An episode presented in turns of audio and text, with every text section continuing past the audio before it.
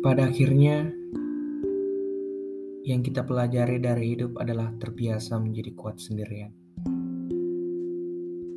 Dulu, aku tidak pernah menyangka sama sekali bahwa aku akan berada pada fase ini.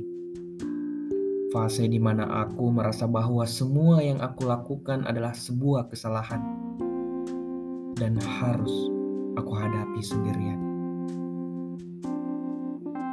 Sekarang aku sadar bahwa menjadi dewasa tidak semenyenangkan yang aku pikirkan dahulu.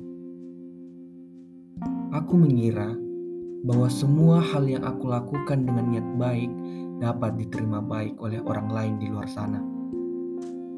Dan ya, nyatanya aku salah. Aku terlalu egois untuk berpikir seperti itu.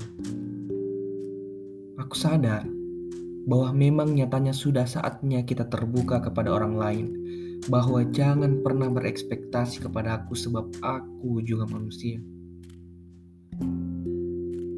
Aku bisa saja membuatmu kecewa dengan caraku meskipun berbeda. Entah itu dari perkataanku, perlakuanku, atau bahkan melalui senyumku. Aku bukan orang baik. Aku hanyalah orang yang sedang belajar menjadi baik, meskipun dengan versiku sendiri.